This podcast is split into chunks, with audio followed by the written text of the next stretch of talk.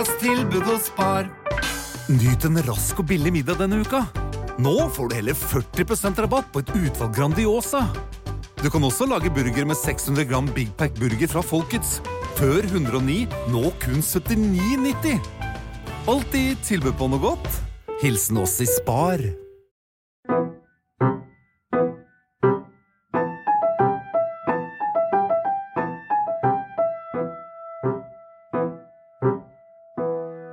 Velkommen til podkasten Frilanslivet, en podkast av min kollega Hanna von Bergen og meg, Kristina Skreiberg. Vårt mål med denne podkasten er å være en faglig og inspirerende kanal for alle dere som jobber for dere selv i medie-, kunst- og kulturbransjen.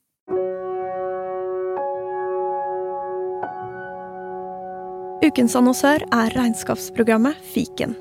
Akkurat som oss brenner fiken for at flere frilansere og små bedrifter skal lykkes. Og bak fiken så står mennesker som selv har erfart hvor vanskelig regnskap kan være. Og de har derfor laget en løsning som gjør det lett å føre regnskapet selv.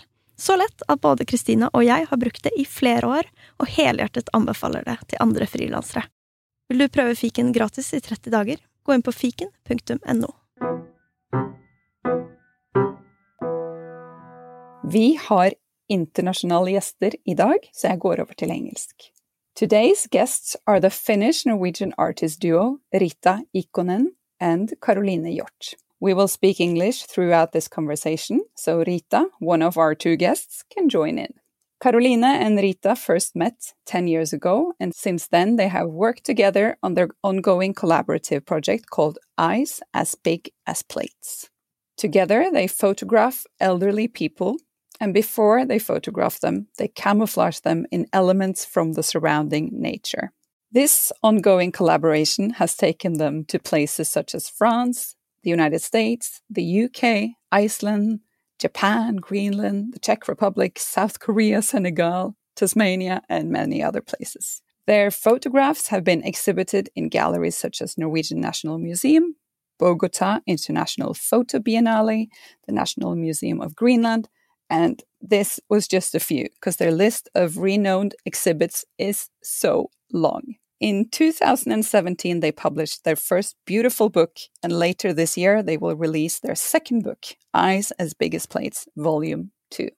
I can't wait to talk to these ladies about how they collaborate across borders, about their stamina in such a long term project, how they have financed their books through crowdfunding, and what they have learned along the way.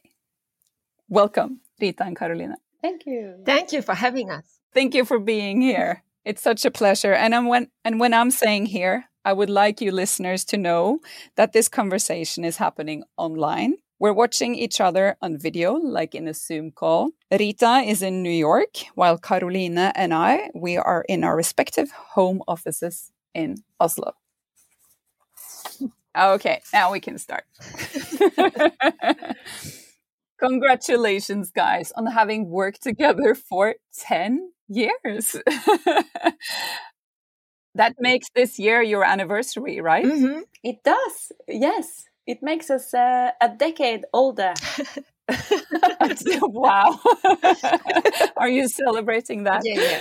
I think so. I think now I just remembered one of our uh, first uh, or like favorite collaborators, Bob from New York. Oh, Rita, you always say this when we talk about age. It's true. Bob you, always would says you like that. to share it? Yes.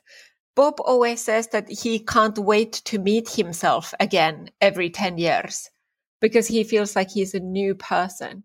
And it's very, very true. Like, I think Carolina and I, we have changed a lot and you can sort of uh, part of it you can see it in the pictures in the process pictures but part of it also just how we think uh, the project has yeah and life has shaped us a lot in 10 years Yeah. Wow, how interesting to meet yourself every 10 years. I just turned 40. Hmm. But is it the uh, thank you. is it the 40 year old me meeting the 30 year old? Like how would it work? How what does Bob mean? I mean, he's 80 something, but instead of, I think it was this general idea of aging as something that's something to look forward to and something exciting milestones ahead. So like, what is, what am I going to be like when I'm 90? Like, wow, or 110. Like, rock and roll dynamite excitement coming up instead of, oh crap, I'm turning 50 soon. I like that. we do as well. It's a really beautiful and and funny project. You've uh, photographed and staged people like all over the world. Like um, I'm just going to mention a few, like the fisherman Boo Boo standing in the water covered in uh, fish in Senegal, and uh, uh Bob, who you mentioned, covered in uh, pines in a park in New York City. Is that correct? Mm -hmm, mm -hmm. And another lady, astri having this mane of rhubarb in the woods of Norway. And you you'll explain this better than me, but can you uh, tell our listeners who haven't seen your pictures um, the essence of the project? Well, I, the first thing I thought when you asked was uh, that we have uh, our what we do a little bit like an adventure club. So people often ask, is it art? Is it journalism? Is it documentary? Is it anthropology? What is it? Is it landscape photography? It's like, mm, maybe it's our adventure club. And that maybe goes for uh, the people we work with or the people we meet. Uh, that's the addictive part of this project that we get to play with strangers. Uh, and the best excuse is to have a camera and, of course, a, a project. But uh, um, it's a three or maybe fourfold collaboration. It's the it's Rita, Caroline, the person who are joining, and then you have the surroundings with all its form life forms, and they are equally important for the final result. Why we are doing it, I think we are still. I don't think we have the answer to that until we finish the project, and I think maybe that's not happening until we feel bored of it, and we promise to continue as long as it's fun. So I don't know if I have an answer to why. Do you, Rita? no, but I think just in case somebody has never seen one of these images, I can. What are portraits? There's lot, around 100 portraits, and in each image, there is basically one solitary figure, a, an, usually an older human being, who is standing in a landscape. It might be anything seashore, or mountains, or, or fields, or, or ditch and they have they are wearing a wearable sculpture made of materials that Caroline and I have found in the surroundings. And where we are is always determined and defined and decided by the person in the image. So the location in the image might be something that's super important for this person or whatever reason, but it comes always from a conversation with the person in the image. So you might be looking at the landscape image and you might, it, it's a little, might be a little bit like where's Wally? Or it might be a close up confrontational shot of uh, somebody who's been buried into clay on a seashore. And then, yeah, that's basically what you might see if you bump into one of our images. Mm, and you like you like senior citizens. that's an that's an understatement, I think. Why are you so fascinated by uh, old people or elderly, if that's a nicer word? Uh, well, I guess this is a recurring question throughout the decade-long collaboration, and we always, I don't know, now it's been a while actually. Why do you work with older people? But uh, in the beginning, we, we sort of always like why why are you not asking that if we were working with teenagers? I guess people don't ask them so it's this uh, view of this certain demographic that they are having certain qualities that other age groups they haven't got that. So the way Rita found me as well was because I had uh, just finished a project called Mormormonologene, where I was portraying Norwegian older women and looking into stereotypes of what it means to be an old woman. So I guess Eyes as Big as Plates from the get go was dealing with the fact that we wanted to portray all the people as something else than just you know a tsunami of problems as they are normally are in in the news. it's true. And at the same time, I was working in London a lot with museum education departments and and working with like workshops and all kinds. And I was often allowed to work with children or teenagers. But when I wanted to work with older people, like maybe adults, but older people was always really complicated. So that's what kind of led to the whole idea of like starting to write a project that would especially specifically focus on older people in Norway. And that's where it came to uh, going for Google and putting in the, the three magic words that led to Caroline. Norway, granny's photographer. And then she was, Carolina was the number one top, top result. So I clicked on her work, loved what I was seeing and sent her an email saying, hello, I am Rita Ikonen. Would you like to work with me in Norway on this little residency? And she said yes. And I looked at Rita's work and I said yes because I absolutely fell in love with her sense of humor. Most, first of all, I think, with what she had already done, and something I maybe also missed in my own work to to have the opportunity to play a little bit more. Because I I just finished journalism in the UK as a my MA, and I did photographic arts, but uh, teaming up with Rita was seemed like the best idea of having more fun. mm. But back then, was it was that the start of what Eyes as Big as Plates has become, or was it something else that you embarked on?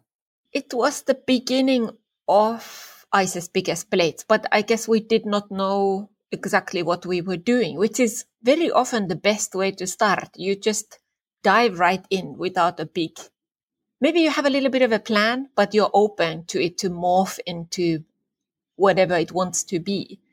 And so you maybe know this already very, very well, but we started looking at like folk tales and how, and this is how we felt that the older people could properly link into this. Like maybe these older people in the community would have most connection and knowledge and insights into these folk tales. And clearly we were very, very quickly put into our right place that this is indeed not the case at all.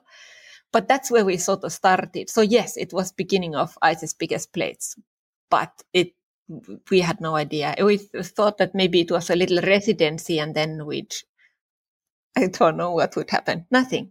I think both of us um, we had uh, we didn't expect to get that kind of connection. Like it's uh, it was a sisterhood in the making, sort of from the first day, from the first moment. We uh, basically hit it off. And uh, what we created in one and a half months, I think we didn't expect that to be anything else. But in the, I think we finished working in June or end of May, and then we didn't really have a plan. I don't remember if we were invited by the Finnish Norwegian Culture Institute for an exhibition or if we got in touch with them to see if they would want to show the works. Do you remember, Rita?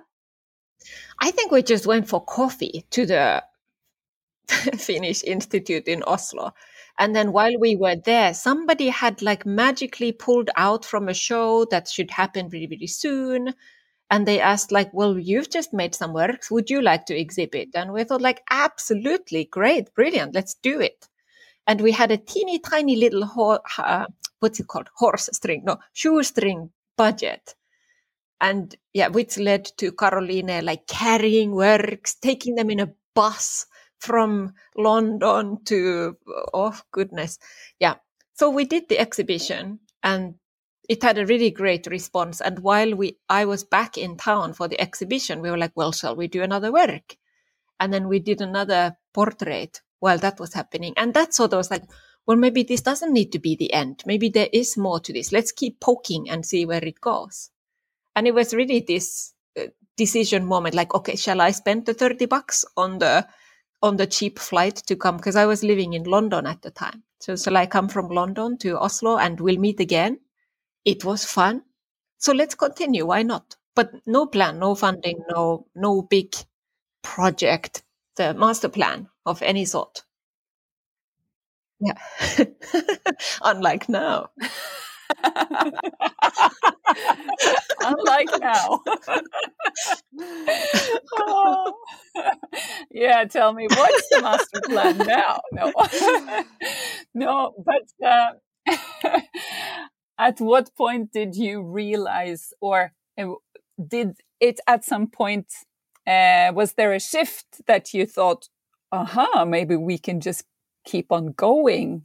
Um, Yeah. Wasn't it in Finland? I, or did you just keep on poking? I mean, we, we, we kept on poking, but I think something happened in Finland when we, because we were invited for um, the camouflage show at the Kiasma in Helsinki.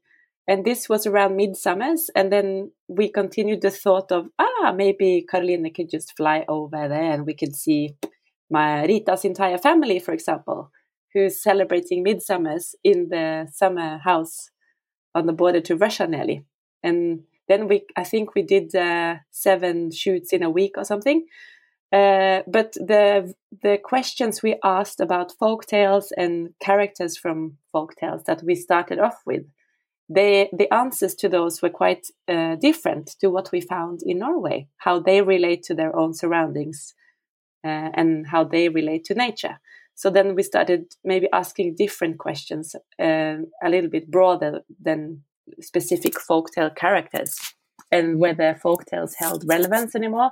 We continued more about people's individual relationship to their own surroundings and where they are, and what what means something to them in their landscapes. So from then on, I think maybe we shifted a little bit and thought, ah, let's see where we can go with this. And also, I think that was the point when we understood that, like, okay, maybe we don't need a grand plan and it doesn't take such a huge operation, but we are often, you go and do a talk somewhere or you go and do a little exhibition. So while we are there, why don't we just put the camera in the bag and make it work somehow as a small, nimble unit that just without a budget or without a big pro- project production crew you just kind of make it happen in between the lines and as part of other commissions or other projects. And that's been really, I think, a great force of us that we have been able to so be so light on our feet. And still, we are just little. Yeah, it's still just, I think, uh, a duo without assistants or without like, you know, managers or gallerists or media collaborators or anybody. It's just the two of us basically. And then sometimes we have help from interpreters in South Korea who needs to be there for us to make sense of the conversations with the people we collaborate with. But yeah, mostly it's just the two of us, which is maybe the what we enjoy the most. If we become too much of a like a big team, then the result is not as good actually in the in the photographs. I've read that you call uh, the people you photograph collaborators and not models. Are they really like taking part part of the process? Did their collaboration really also determine how the result uh, turns out? Absolutely. I think in each it, it might vary how they do it. If they somebody has a very strong connection to like Bubu, for example, he he used to fish uh, from that particular shore uh, his entire life. That's where he had, that's his harbor where he used to go from every day uh, since he was, how, how young was he? 16 or even younger? Uh, other people, they like Rita's, or like Rita's aunt, for example, uh, in, in the Finnish cold midsummer lake, she particularly chose water lilies because that's her plant. Other people have uh, uh, deep ties to a mountain range or somewhere they have longed to be, so they haven't even been there yet. So it really varies, but every person has they are dictating what we are doing together with us, and some some people even want to join in making the sculpture together with Rita. And some people don't really want to join, but for example, we were in Nordmarka back in the, the day with NRK, and uh, daylight was quickly leaving us. So everybody, including the cameraman, was harvesting this material for the for the costume vigorously.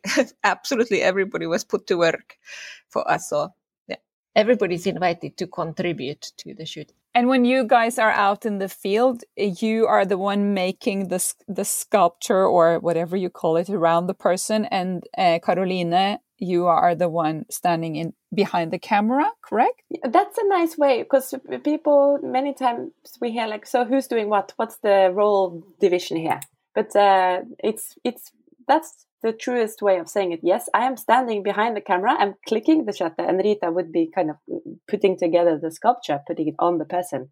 But apart from that, everything we do is like a double headed uh, or two headed troll kind of 50 uh, 50 vision and division of labor also. But apart from being out in the field, like when running a project uh, and keeping it going for year after year, there's so much else to do. When you divide uh, work then or things that needs to be done, how do you decide then? Are you thinking emails and uh, accounting and things? So? Uh, yeah, applying for funding, contacting different uh, exhibition spaces or um, things you're applying to be part of, working on your book, which is an enormous project, or contacting all these people. Um, how, yeah, how do you juggle the roles or the tasks between you? I wish we could say that we had the clear system. Exactly.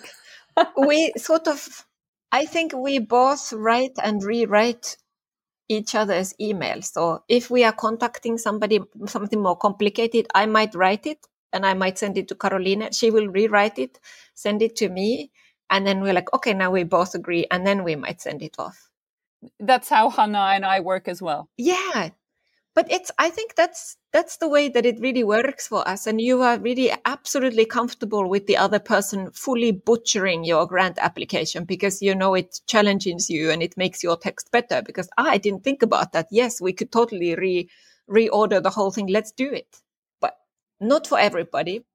Yeah, I, I love that process that you're kind of just like in the same thing. And what I can't do really well, uh, Hannah can do better and the other way around. And that's, um, but it requires a lot of um, letting go mm. of uh, ego or uh, whatever else you might have. totally we are lucky to be living on on two opposite sides of the Atlantic Ocean, which means that we have uh, around the clock kind of operational mode. So whenever one of us is sleeping, the other one is awake working, which is very handy. this is also a super uh, great power when you are running a Kickstarter campaign or this kind of thing, and you have to be on top of replying to people all the time. I'm sure we'll get to this later because we can take really be on call 24 hours if we need to for short periods of time.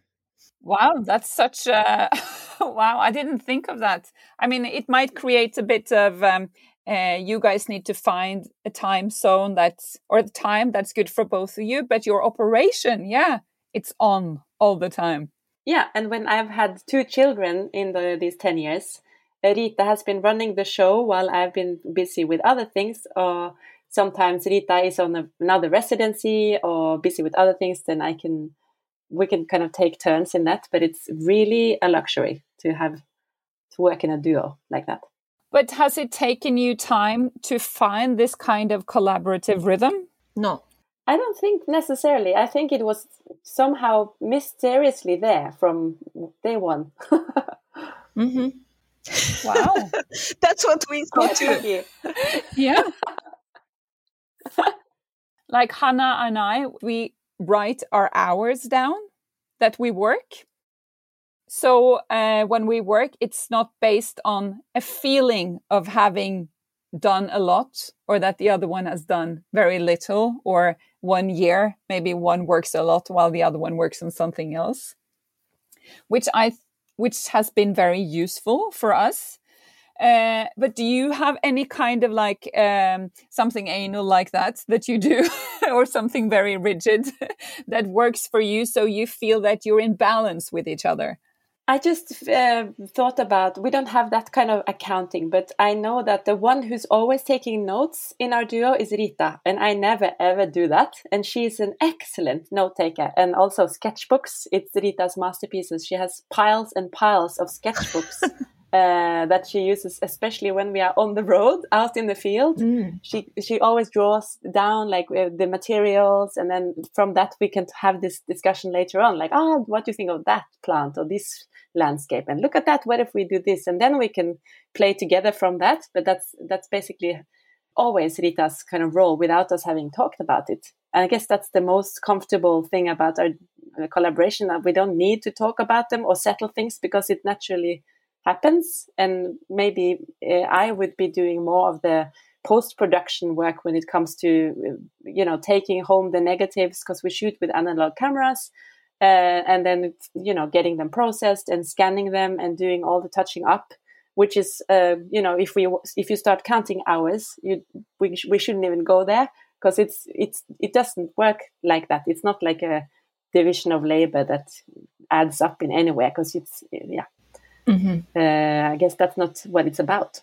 But we do things naturally in an organic sort of collaborative way and it seems to work definitely and i think it's somehow there's this really built in trust that the other person is in just as fiercely as you are and i don't think either one of us has ever questioned that so when there's no need to kind of look over your shoulder or wonder if the other person is giving their all, you know they are there all the way. So then it's easy. It, this is not a so easy to find kind of regular collaboration, but it is just full on trust and respect for the other person. It's, I think, takes you very, very far. Yeah, it really does, and it sounds like uh, like you have a really great uh, dynamic. But is there something you've learned about collaborating that you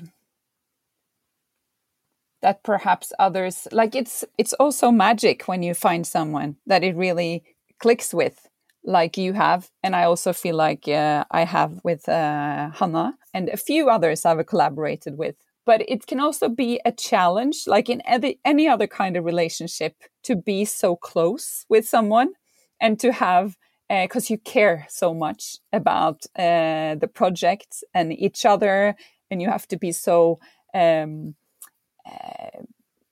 let them in on your weak sides and and you have to work together when you're feeling great and when you're having a tough time. And um, so i'm kind of um yeah if you have any things that like if you have any disputes or um, conflicts that you've resolved in a way or or if you have wisdom that you would like to share no no conflicts yet right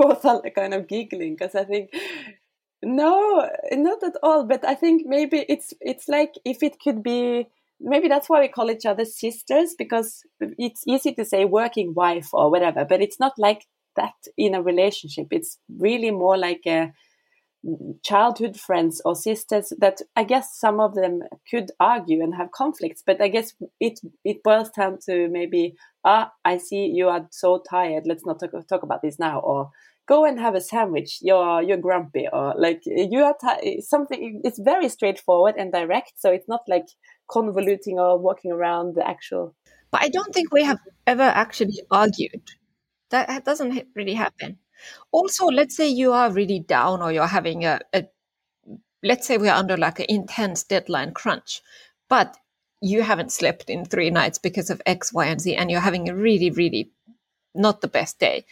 We might just spend the one hour and seven minutes precious time that we have to talk about life or whatever and just like okay deadline pff, then we blow through it because life is more important than that in that moment. And that's what that's what you need right? There is some kind of human connection and that's what you take. And then i think it's just there's an understanding that yeah yes work is very very important but sometimes life absolutely bulldozes through it because it's that's what the project is about too. We sometimes have like a, an hour therapy session for each other, or not that it's kind of say we haven't called it that, but that's what it is.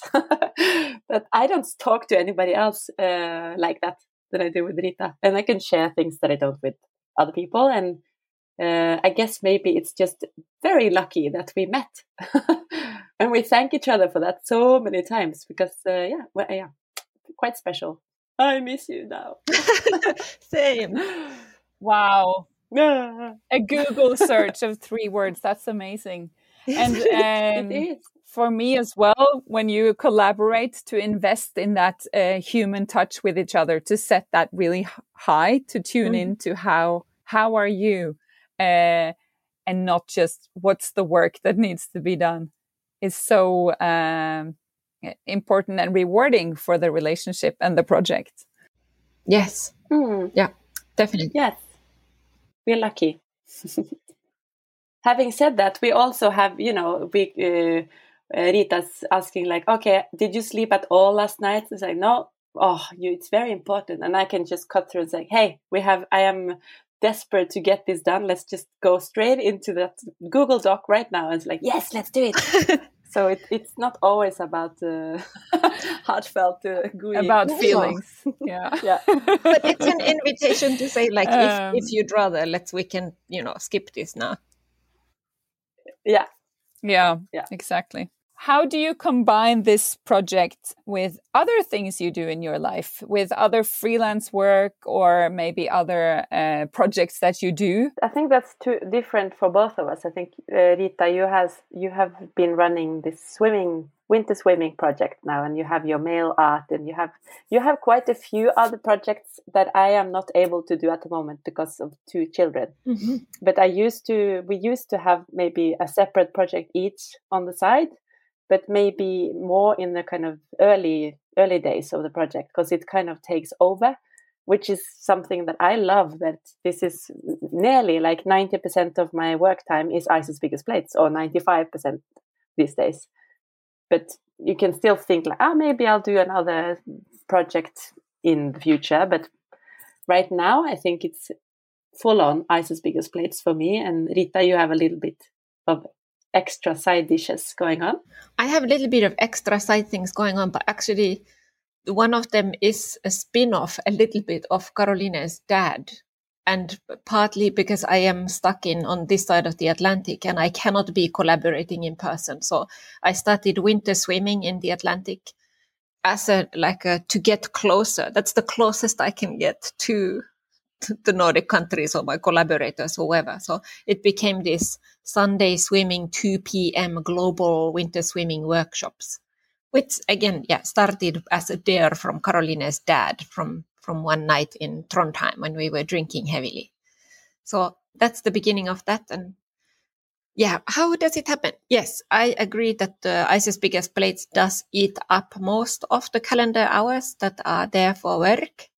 And that's fine in the beginning it was less so but again like i was saying earlier that it's sort of combined like let's say you go do a lecture invited by something something as you as a independent person in the name of whatever and then Carolina comes over and then we do an Eyes as Big as Plate shoot and maybe nobody knows about it. It's not an official part of your, your business trip, but it does become part of Eyes as Big as Plate. So it does seep into most hours.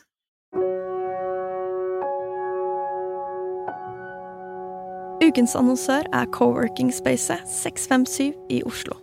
Som frilanser kan man jo føle seg ganske alene, og savnet etter kollegaer eller et sted å gå til kan være stort. Vi vil anbefale deg å sjekke ut 657, for de retter seg mot oss som er i den kreative bransjen og har masse fokus på community. Akkurat det å ha andre mennesker å spare med når man jobber alene, kan være utrolig verdifullt. 657 de har en egen mentorordning, slik at du kan utvikle deg. De har foto- og podkaststudio til en sympatisk pris, og tilbyr fleksible løsninger for deg som kun trenger et sted å sitte et par dager i uken.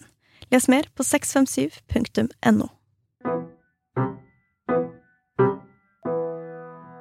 Your project has been exhibited in many places all over the world. How has it happened? I think internet is to thank for a lot.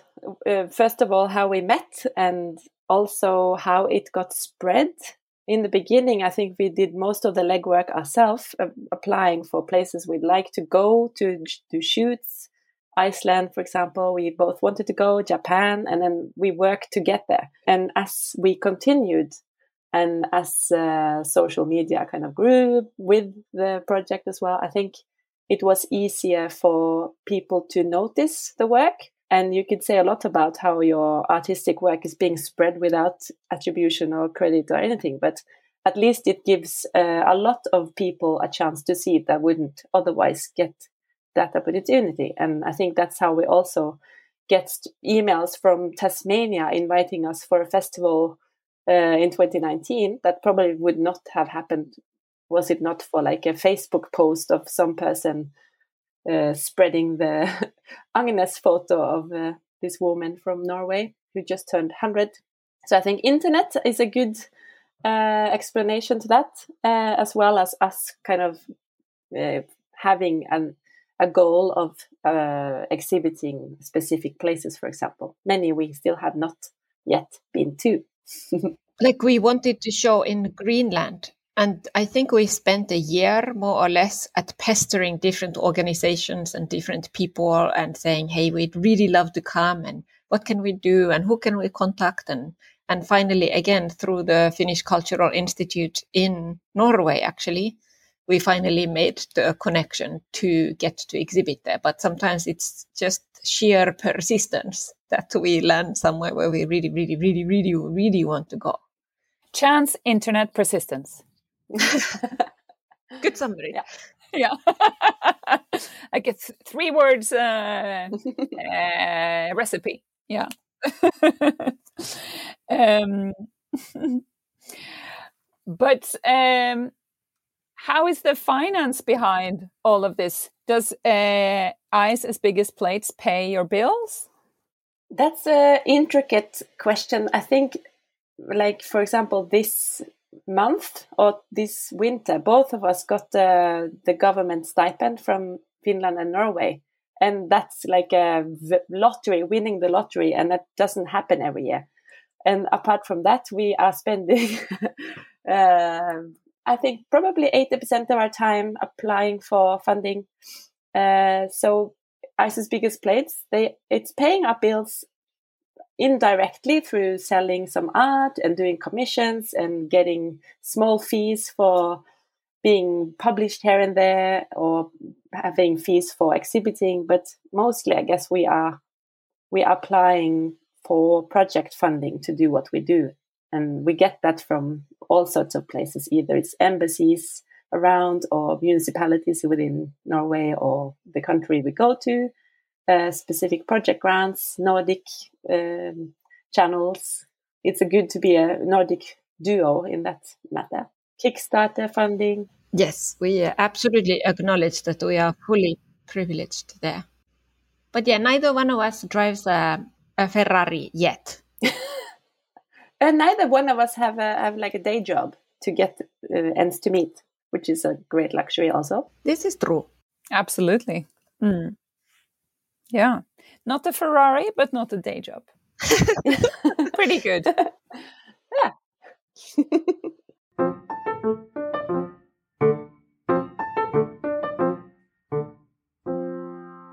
You financed your first book by crowdfunding and have just done so again with your forthcoming book. Uh, what have you learned about doing this kind of um, hustling? nice question.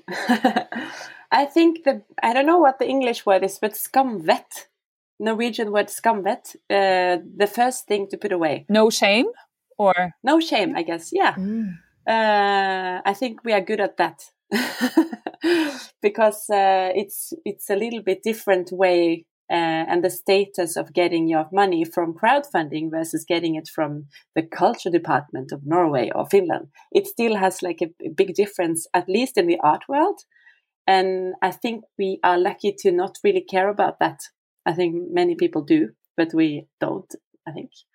Uh, at least now we don't, but maybe we were more hesitant in the beginning. But uh, I think mostly it's a great way of uh, meeting, um, how to say, uh, not a new audience, but it's this particular project is really fitted fitting to crowdfunding. I think because it's been all over the world and it's been it has uh, maybe like a, an extra big audience in the states and that's also where crowdfunding probably is biggest so it's a little easier for us in that respect yeah that we are so embroiled in collaboration from the get-go that it makes sense that the funding of the book is also born from a bigger collaboration that way. So it fit the ethos. But I know for the first book, for a few years, we were applying for different grants and we would get a couple of thousand from here, a couple of thousand from there. But I'm sure you know it takes a couple of thousand dollars to even make a dummy,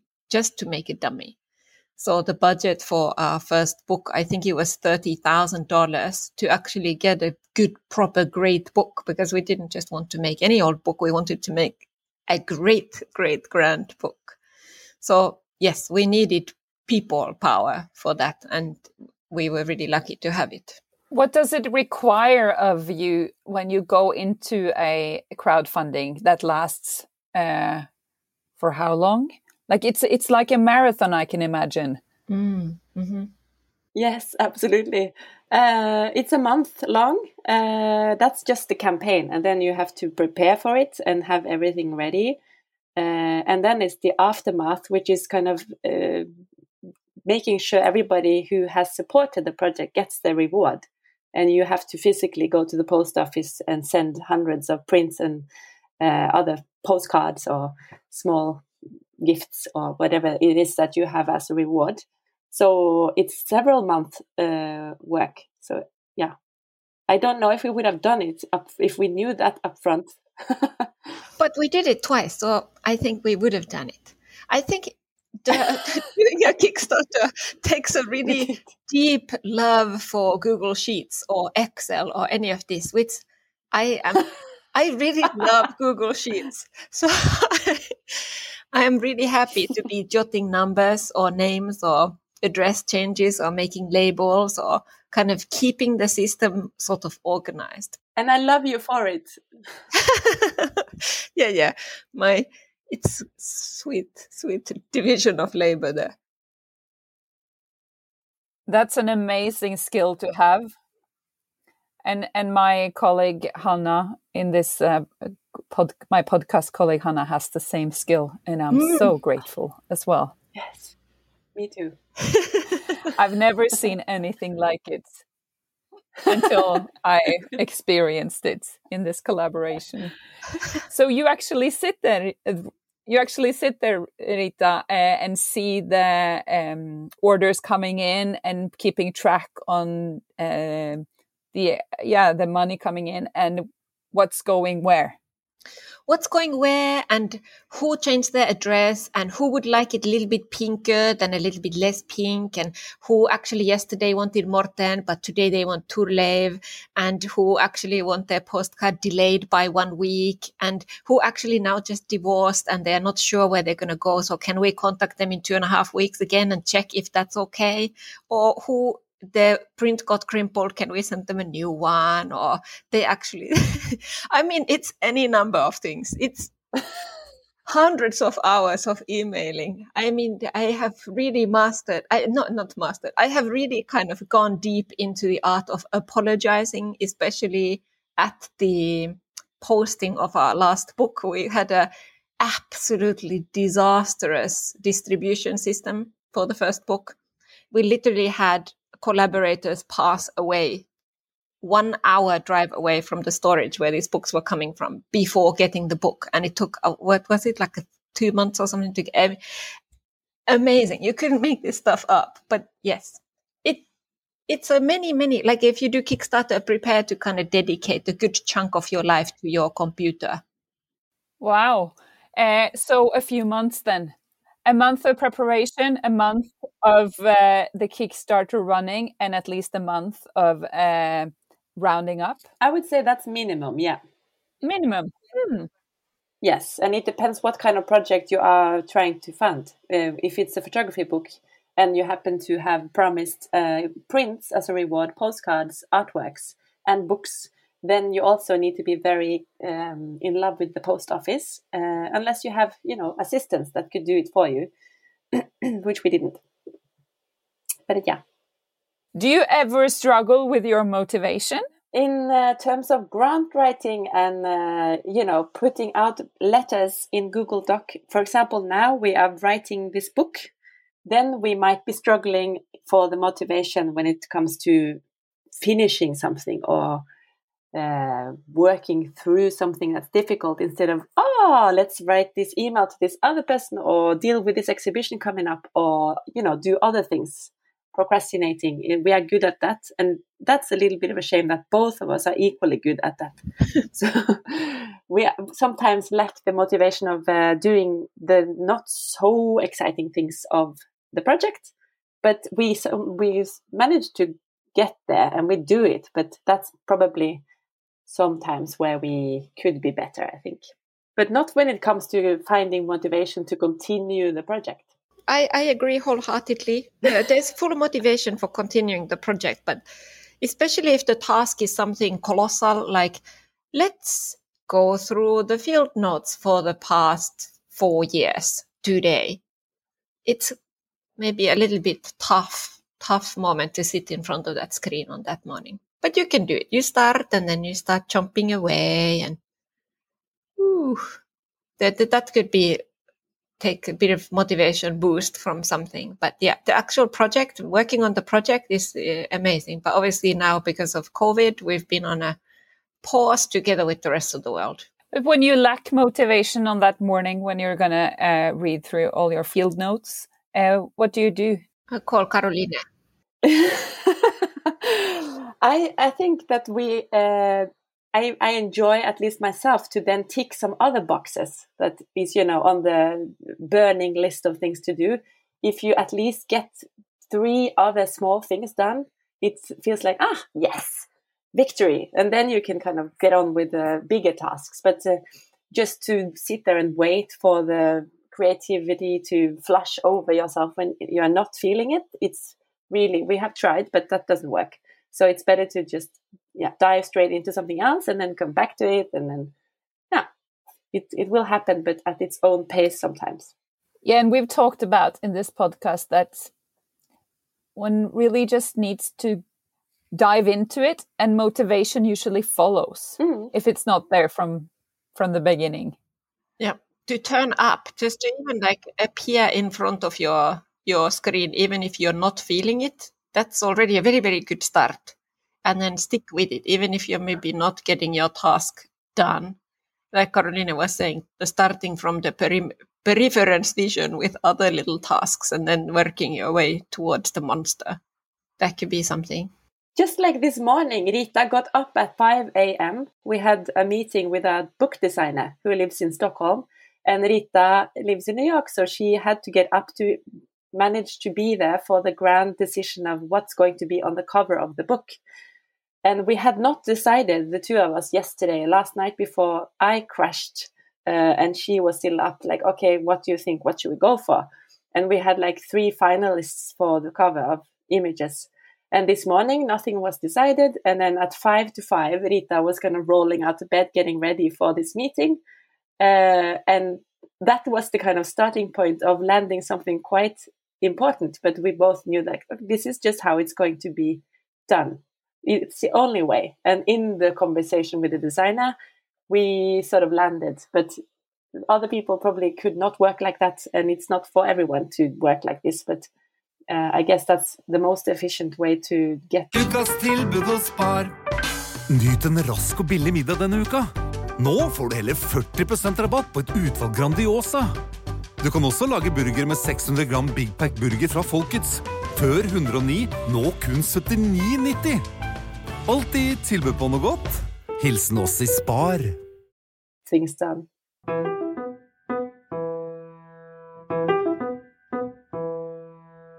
This project and your relationship, does it consume a lot of your space in your life? Like, is how much do you carry it with you both like the time you spend but also how much it it is with you in your life? I think absolutely if my husband was in the room he would talk for me and say uh, i wonder how much time i've spent with you the last months. And that's actually us being in the same house 24 7 uh, he's unemployed at the moment but uh, on daddy leave is that or is that what it's called paternity leave very official so we're in the same house but i'm seeing like tons more to rita than so it's that also Mm, goes. same. it takes, you know, it's not always like that, but definitely, I would say so that we. It's an all-consuming uh, um, activity. No, not Yeah. enterprise. Yes, fully. Same here. It's very normal to whatever day, anything, I will be on Zoom at 6 a.m. Plans, you're out- in the cabin with my wife or anything. It's like, okay, I need to go and drive into the nearby town to get network to be on Zoom with carolina now. So you guys go pick mushrooms. I'll see you later. So it often overrides any private life. That's fine. But the yeah, you two meeting each other. I mean, how it's. Um, I just want to reflect a little bit on how it has uh, changed your life and your uh, working life. Absolutely, it has. Uh, I don't even know if we can say to what extent because it's like a before and after thing. but uh, I guess we were both uh, searching for something like that without being aware of it. hmm Oh, open for Mm. it. Yeah, open for it. So I, I can't imagine how it would be without now, 10 years into this madness. I'm uh, predicting that this is going to be a lifelong journey. Hmm, I hope so. Ah, I hope you're right. What's the absolutely best thing about being uh, in your adventure club and being on this, uh, yeah, working on this project? being out on the, the shoots and having the good excuse to go and walk up to somebody and say hello and then never knowing what might come out of that. That's the best thing. That and also i guess the the combination of things that uh, we get to do what we both really love doing while traveling to places we'd love to go to and talking to strangers that we both have an inclination towards and getting this to to call to be able to call that kind of our job it is a lot of work and it's it's you know some people say oh you're lucky to get to do what your it's your hobby to, and you live from your hobby but it's it's not about that but it's kind of this uh, life project that you get to call your work. Your project is uh, so inspiring, and the way you build on it, and just that you don't stop, and that this was this project, and we're happy, but that you continue working uh, slowly, steadily, and making it bigger and bigger. I guess we are we are often talking about how we can move onwards and how we can take it further, and us traveling around the world to uh, kind of ask about people's relationship to nature. That's a big paradox, or becoming even bigger with maybe the big pause we're having now when we get to reflect upon that. Uh, finding ways to develop it further, but with maybe not flying so much that we have been in the past 10 years. And how could that work? Like how will it change? And um, maybe try to be a little bit more not maybe a little bit less subtle activists and more directly trying to um, see what art can do to change things. That's something we haven't figured out how to do yet but that's something we really want to uh, work towards i'm really happy you brought that up because this is a like since the very beginning we have been working on the series but we have ourselves often struggled to write about it or to put it into words like what is it that we do? We we know what we are doing. We feel what we are doing but to contextualize it in a larger setting that's always been a little bit of a challenge. But from i think quite early on this what carolina was talking about of having a little bit greener angle to our operations is something that we have been wanting to push towards. And I think this big pause that we are in now is a really excellent opportunity to have recalculated a little bit and like also to slow down because we are so excited about the project. I think we have really pressed on like a full, full throttle ahead a lot of the time. But now it's been really good to just kind of, okay, take stock, think about it. What have we done? How have we done it and why? And where would we like to go next? And how do we want to go about that? And what are the changes that are necessary to take to not only to address our environmental impact, but some maybe some social issues too that we we have this platform and we have this voice that we we can use. How can we use it better? So, do we have answers to this yet? No, not really fully, not fully, but this is something that we want to take forward or to keep in mind as we're going forward. And has that been like lingering in the back there for years? But maybe now during this pause, something that you you want to put more, give it more of a, like a front seat in your project, or?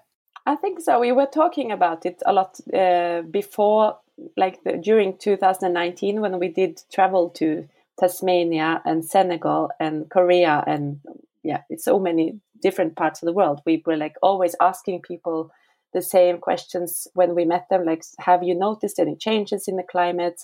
Are you taking any steps towards adapting or how do you feel about it? So those questions started to be there always, but we didn't know how to, uh, how far Rita and me to also change. Like, how would we, how can we do that ourselves in the project and also um, angle what we do in slightly different way than before.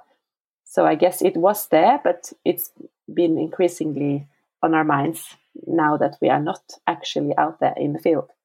And you're thinking to to um, communicate it more through your project, or is it also that you would like to travel less, ideally, in your project? I think both. Uh, who we work with, we were talking about collaborating with scientists and farmers or people who are directly either trying to work up, uh, on this theoretically or also like directly on the field who notices the changes. Yeah, to help, like say that's a there's a scientist with a kind of like a complex message and findings from their work, and if our if our collaboration could help them spread their message and to get their kind of work seen by a wider audience, that could be a really beneficial collaboration, I think, for us both. And then to go from there. Or if we were to, if we weren't to reduce our travel, maybe we could choose the methods or the, the transport ways that we would travel in a more kind of responsible way. That's another option.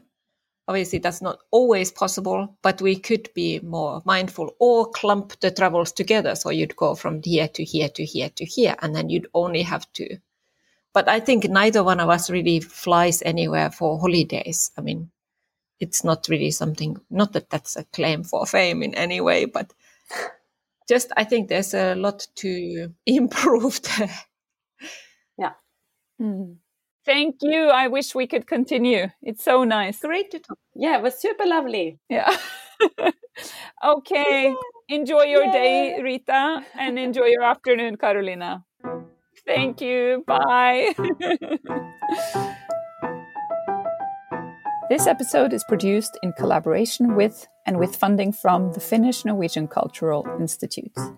The Finnish Norwegian Cultural Institute seeks to promote cultural exchange between Finland and Norway and increase awareness of Finland in Norway. The aim is to encourage cooperation, dialogue, and mobility between Finnish and Norwegian artists, cultural entities, and organizations, and to produce a diverse program for the public at large. Thank you. Ukas tilbud hos Spar. Nyt en rask og billig middag denne uka. Nå får du hele 40% rabatt på et utvalg Grandiosa. Du kan også lage burger med 600 gram Big Pack burger fra Folkets. Før 109, nå kun 79,90. Alltid tilbud på noe godt. Hilsen oss i Spar.